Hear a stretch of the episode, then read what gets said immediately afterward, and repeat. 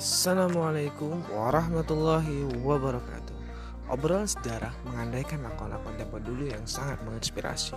Tiga generasi setelah Rasulullah, generasi sahabat, para tabiin dan para tabiut tabiin Banyak menyebarkan kisah yang sangat memotivasi kita untuk kehidupan sehari-hari.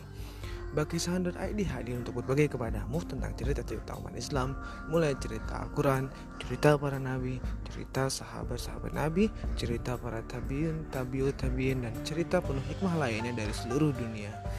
Bakisahan berawal dari kata bakisah dalam arti banjar berarti adalah bercerita.